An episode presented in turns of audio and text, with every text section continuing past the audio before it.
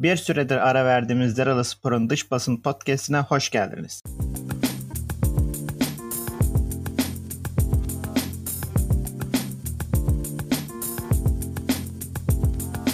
Bugün ben Kaan Meriç, Korap Selçuk ile beraber bu hafta dış basında yer alan konuları ele alacağız. Korap merhaba. Merhaba. Ee, bugün ilk konumuz Sir Alex Ferguson'ın belli bir yaşa gelmiş oyuncuların yaşadığı rahatsızlıklar için elinden geleni yapacakları ile ilgili e, görüşlerimiz. İstersen sen birazcık konuyu detaylı olarak anlat, üzerine biz de yorumlarımızı paylaşalım. Tamam. Ee, Alex Ferguson sporcu sağlığından bahsediyor aslında. Futbol özelinde konuşmuş ama bu sporcuların genel kanısı. Son dönemlerde Bobby Charlton'ın sağlık durumu iyi değil. Navi Stiles vefat etti. Ee, Charlton'ın hastalığı da bu arada demans teşhisi.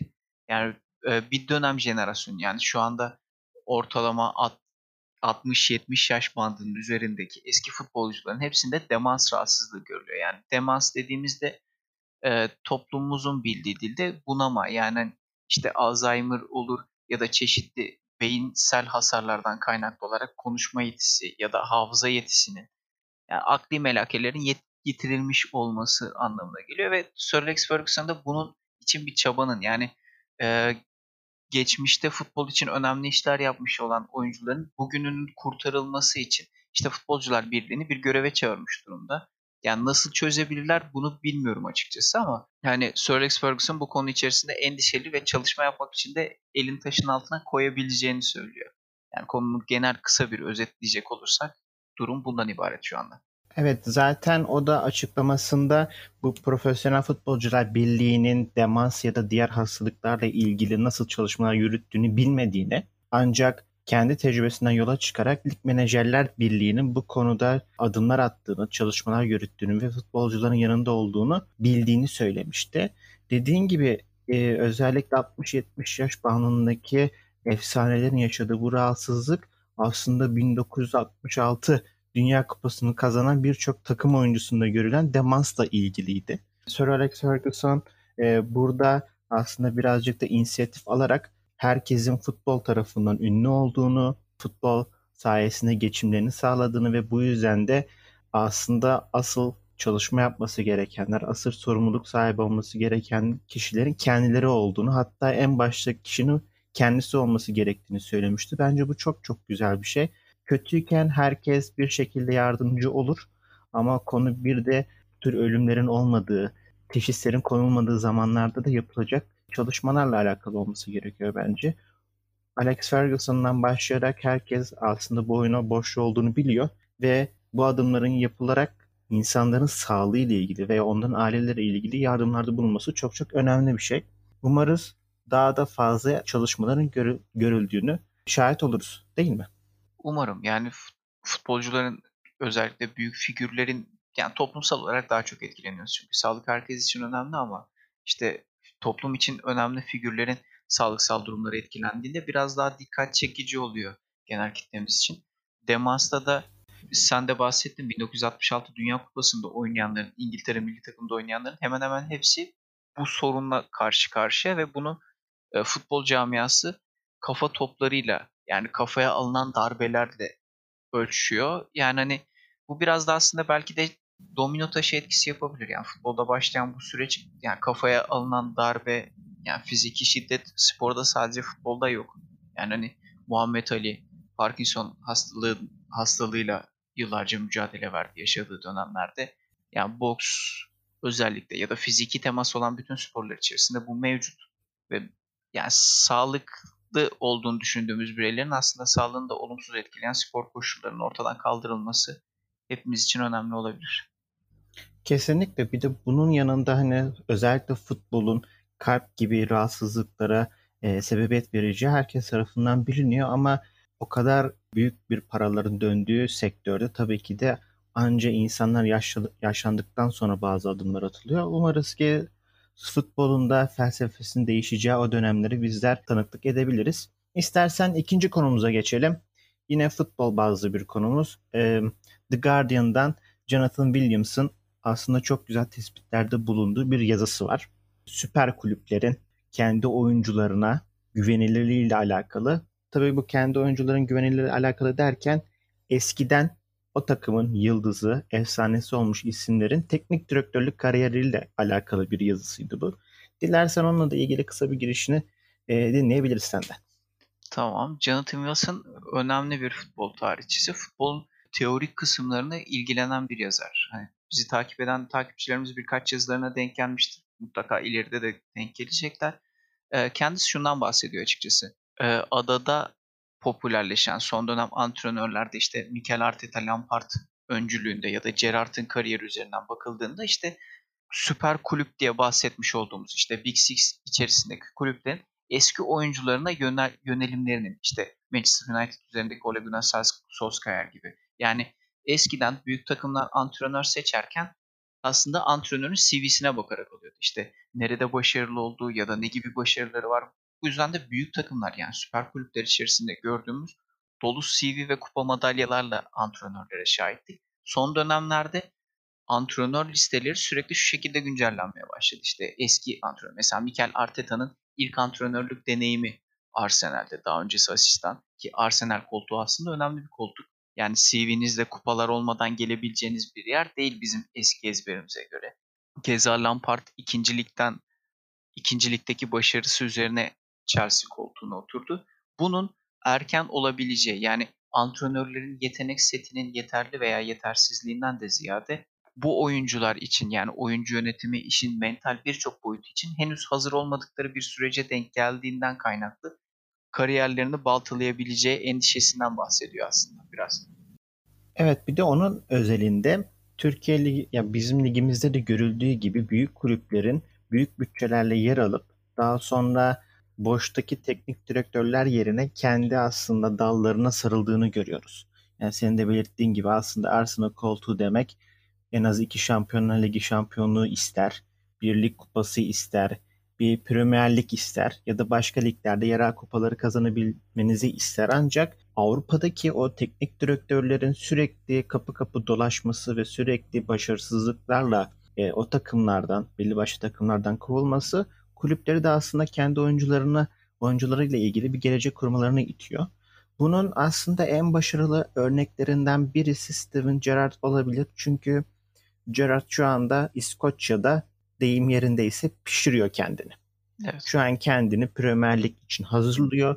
Ama diğer oyuncuların, diğer kulüplerin o büyük oyuncularına baktığımız zaman bunu göremedik. Bir Mikel Arteta'da de- değişik bir yorum yapabiliriz. Çünkü Arteta Pep Guardiola altında gerçekten çok güzel başarıları imza attılar. Felsefe değişikliği yarattılar.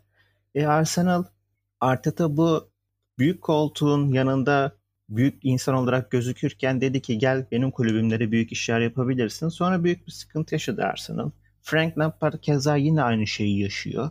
Chelsea 200 milyon sterlin üzerinde bir bütçe yarattı. Oyuncular alındı ama bu sefer kulüp çok başarılı da Lampard çok başarısızmış gibi gözüküyor. Sence takımlar paralarını bir yere harcayıp daha sonra oyuncuların üzerine yıktığını söyleyebilir miyiz?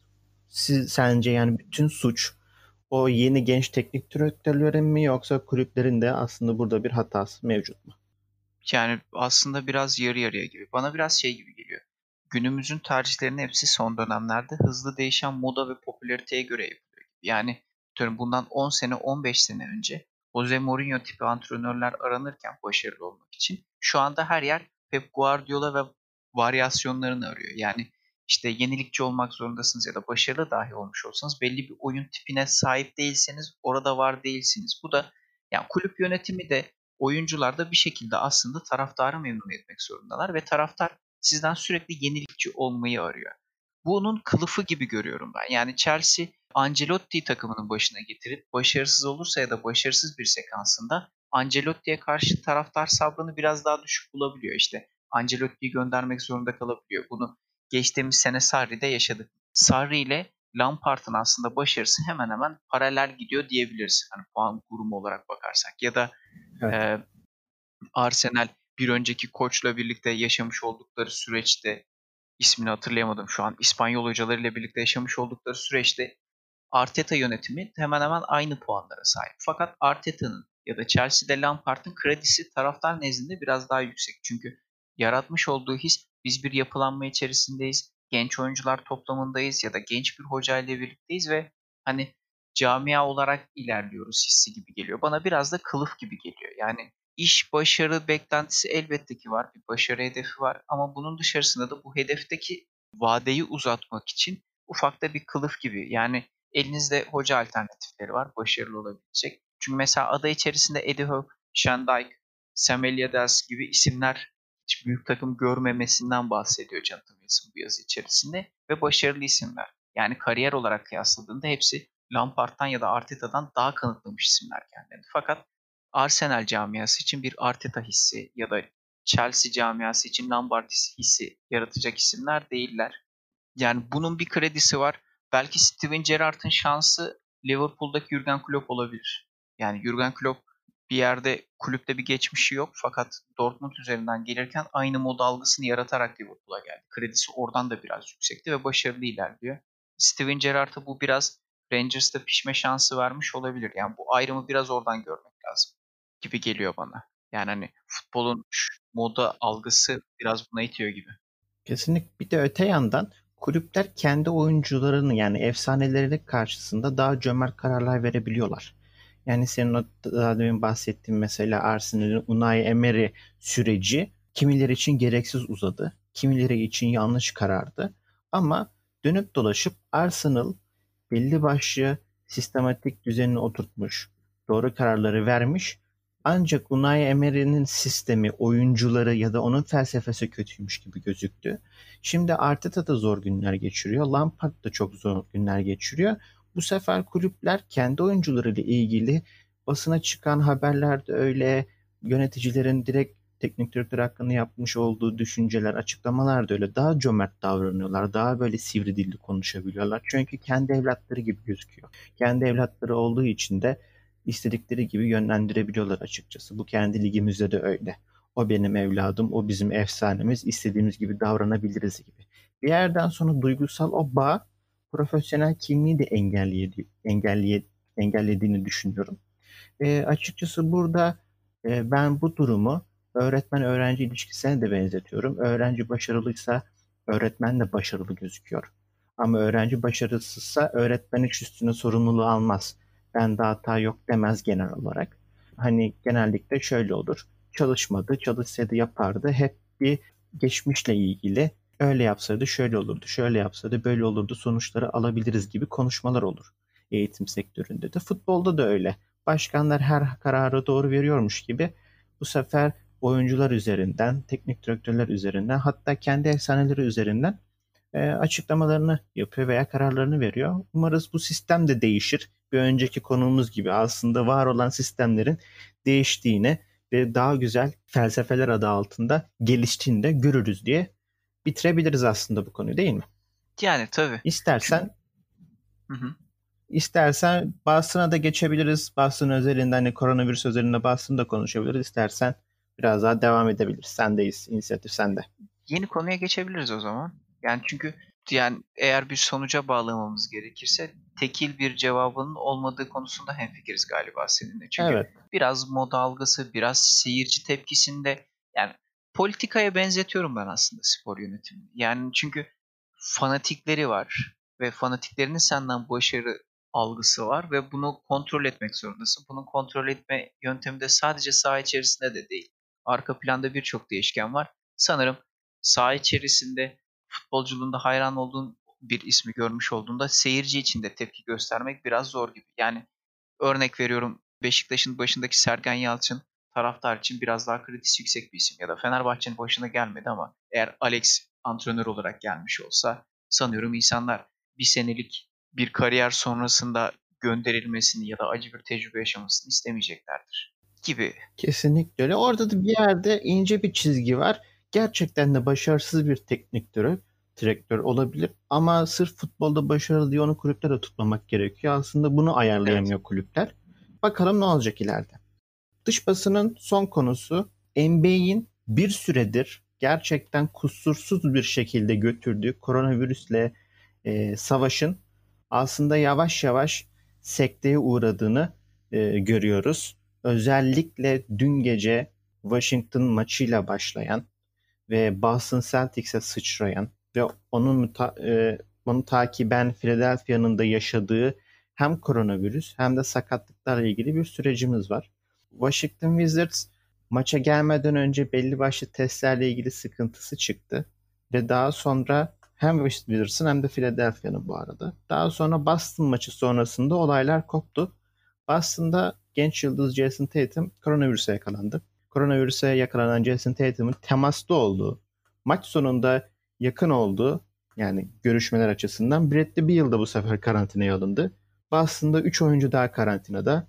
Diğer takımlar birer ikişer oyuncuları karantinada. Şu an çok karışık bir ortam ve NBA yönetiminin ise tek bir cevabı var. Eğer takımında 8 kişi varsa maça çıkmak zorundasın. Düşüncelerin neler bu konuda Koray? Yani öncelikle biraz şey NBA için ben onu dün çok düşündüm. Özellikle Philadelphia maçını seyrederken. Çok yoğun fikstür.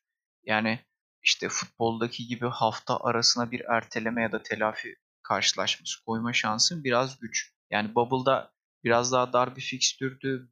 Ee, sadece tek bir amaç için toplanmış olan komünite vardı. Bubble'ı çok iyi idare ettiler.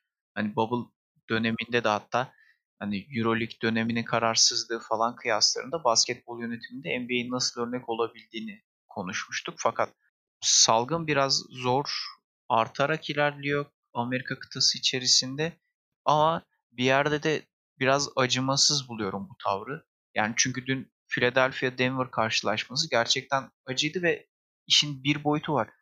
Biz bugün görüşmemizi açarken sağlıkla açtık Sir Alex Ferguson üzerinden. Hani NBA koçlarının da bu konuda oyuncuların sağlıksal olarak tahmin etmediğimiz farklı zorluklarla karşılaşabileceğini düşünüyoruz. Yani dün 8 kişi sahaya çıkıyorsunuz ve NBA temposunda 48 dakikayı tamamlamak zorundasınız. Bu yani bir defalığına belki yapılabilir. Üst düzey sporculardan bahsediyoruz ama sezonun yani 10 gün, bir hafta eksik kalan oyuncularda bir hafta 10 gün boyunca bu 7-8 kişilik kadrolarla maça devam edebilmek, fikstürü sürdürebilmek bana biraz acımasızlık gibi geliyor. Sen ne düşünüyorsun Kaan? Kesinlikle öyle. Ben bir de bunun playoff dönemini e, fikstürlerin daha da sıkışacağı, rekabetin daha da artacağı o dönemlerde nasıl e, aksiyon alınacağını çok merak ediyorum. Onların sonuçları çok da acı olacak. Belki şu an ligin başındayız. Boston'ın en iyi oyuncusu 10 gün olsa ne olur, olmasa ne olur gibi düşünülebilir. Örnek veriyorum şu an Lakers'ta LeBron sakatlık ya da virüs açısından bir sorun yaşadığı zaman olsa ne olur, olmasa ne olur konuşabiliriz. Bu ligin kendi markasına da çok zarar vermeyebilir şu süreçte. Ama işler ciddiye bindiğinde bu kural hala uygulanacak mı? Çünkü çok e, sağlıklı bir karar olduğunu düşünmüyorum. Çünkü 8 kişi varsa takımda çıkarsın deniliyor ama NBA'in amacı maç oynamak mı yoksa o bizim diğer liglerin, diğer organizasyonların, tüm dünyanın kıskandığı o markasını korumak mı? Yani dün Philadelphia'nın çıktı o kadronun dünyada basketbolda ben çok iyiyim. Yani %98'i bilemeyebilirdi o kadroyu. Çünkü ilk defa o isimler sahaya çıktı. Belki Sixers ekibi bile oyuncularını o kadar iyi tanımıyordu. Zira Boston'da öyle. Hem sakatlıklarla uğraşıyorlar. Teknik ekip bu oyuncular hem de pozitif çıkmasa bile oyuncuların temaslı olmasıyla uğraşıyorlar. Boston'da şu an tam 3 oyuncu temaslı sayılıyor.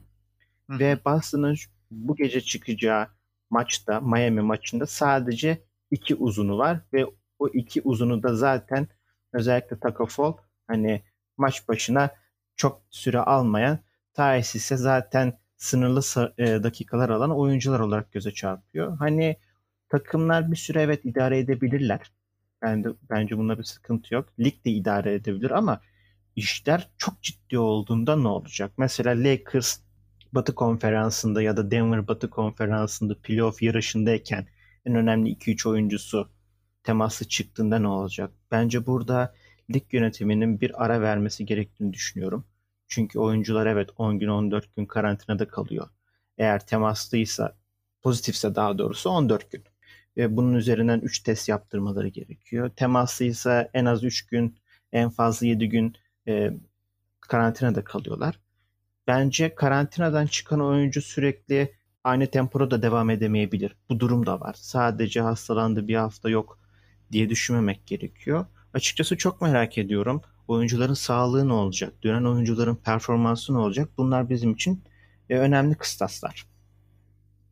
Yani bir de bana Sence şey hissi yaratıyor. playoff döneminde ne olur? Ya playoff Değişir mi döneminden sence? değişmesi gerekir. Yani orada tepkiler biraz daha sertleşir. Ben şeye çok takılıyorum Kaan.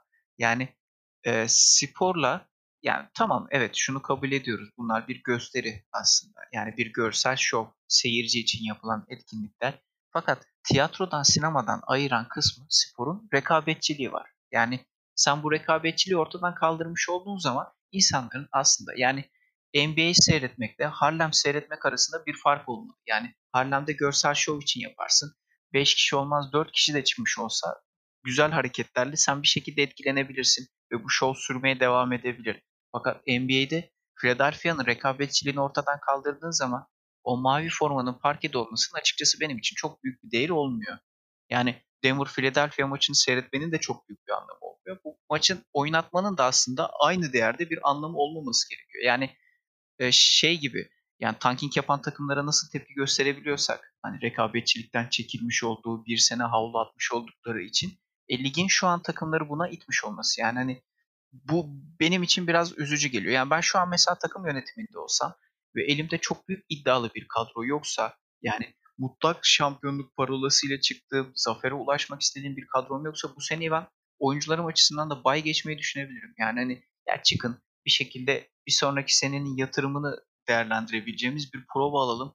Ne sağlığınızı etkileyin ne de başka şeyleri dert edin. Yani stresli bir organizasyon çünkü spor müsabakasının içerisinde sürekli rekabetçi kalmak mental olarak da yorgun bir tavır ve bu koçları, teknik ekibi, oyuncuları hatta mental olarak zorluyor. Yani Philadelphia ekibi 10 gün eksik oynayacaklar ve 10 günün telafisi için de ligin geri kalanında çok büyük bir maratonları başlayacak. Düşün yani playoff'a yakın bir süreçte bir daha ikinci bir vaka yaşamış olsalar belki de takımın playoff'tan olması söz konusu olacak. Yani playoff dönemi mutlaka değişecektir. Yani hani kulüplerin tepkilerinin de daha sert olacağını düşünüyorum. Çünkü şu an herkes ciddiyetin farkında ama biraz da ortamın sterilliğini korumak için gibi geliyor bana. Biraz sessiz kalıyor insanlar. Ama çünkü telafi edebileceklerine inanıyorlar. Fakat e, şeyde gerilir. Bu Euroleague'de yaşadık mesela. Euroleague'in başlangıç sezonunda Zenit lige çok iyi başladı. Barcelona galibiyetiyle başladı. İlk karşılaşmasında deplasmanda Efes Pilsen'i yenerek başladı. Ve sonrasında yanlış hatırlamıyorsam 3 maç hükmen yenilgiyle ayrıldılar. Sahaya çıkamadıkları için. Evet. Koronadan kaynaklı ve Euroleague geri adım atmak zorunda kaldı sezonun ilerleyen yapısında. Çünkü e, sezonun flash takımının bütün gelişimini baltalıyorsunuz. Yani hükmen yenilgi kararıyla birlikte. NBA fixtürünün biraz daha çok maç olması biraz şu an tepkileri hani Zenit'in çıkartmış olduğu ses boyutuna ulaştırmıyor ama bu, bu şekilde gitmez. Yani çünkü sık karşılaşmalar var ve artacak. Yani benim en büyük tepkim ama şey NBA yönetiminin yani bu sporun rekabetçiliğinin farkında olmaması gibi geliyor esas problem. Yani reklam ve pazarlama üzerinden gittiğiniz sürece bu iş gelmez. Çünkü ben bunu pazar olarak NBA'yi büyütüyorsam rekabetçiliğini sevdiğim için seyretmeye devam ediyorum ve bu da dolayısıyla pazar büyüklüğünü tetikliyor. Benim en çok irite olduğum yapı bu. Kesinlikle öyle. Ben burada NBA yönetiminin umarım kısa bir süre içerisinde böyle vakaların arttığı sürede lige ara vermesi gerektiğini düşünüyorum. Bence böyle bir karar gelmeli.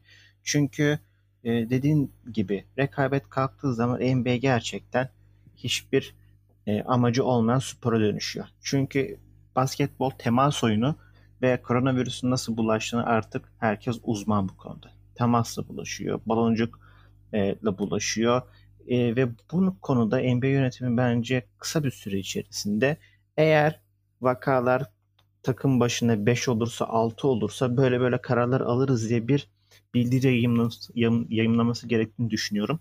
En azından hem yönetimler hem oyuncular hem de oyuncuların aileleri hem de bizler için bir kıstas olur. Deriz ki NBA yönetimi Aa, evet şöyle olursa bunun gibi bir planı var deriz. Çünkü oyuncular da sanki bir e, sonsuzluğa e, karşı oyun oynuyorlar. Çünkü gerçekten bu akşam maçtan sonra bir sonraki maçta oynayacağı kimsenin garantisi yok. Çünkü yedek kulübesinde, sağlık ekibinde birisi pozitif çıkabilir ve temaslı sayılabilirsiniz.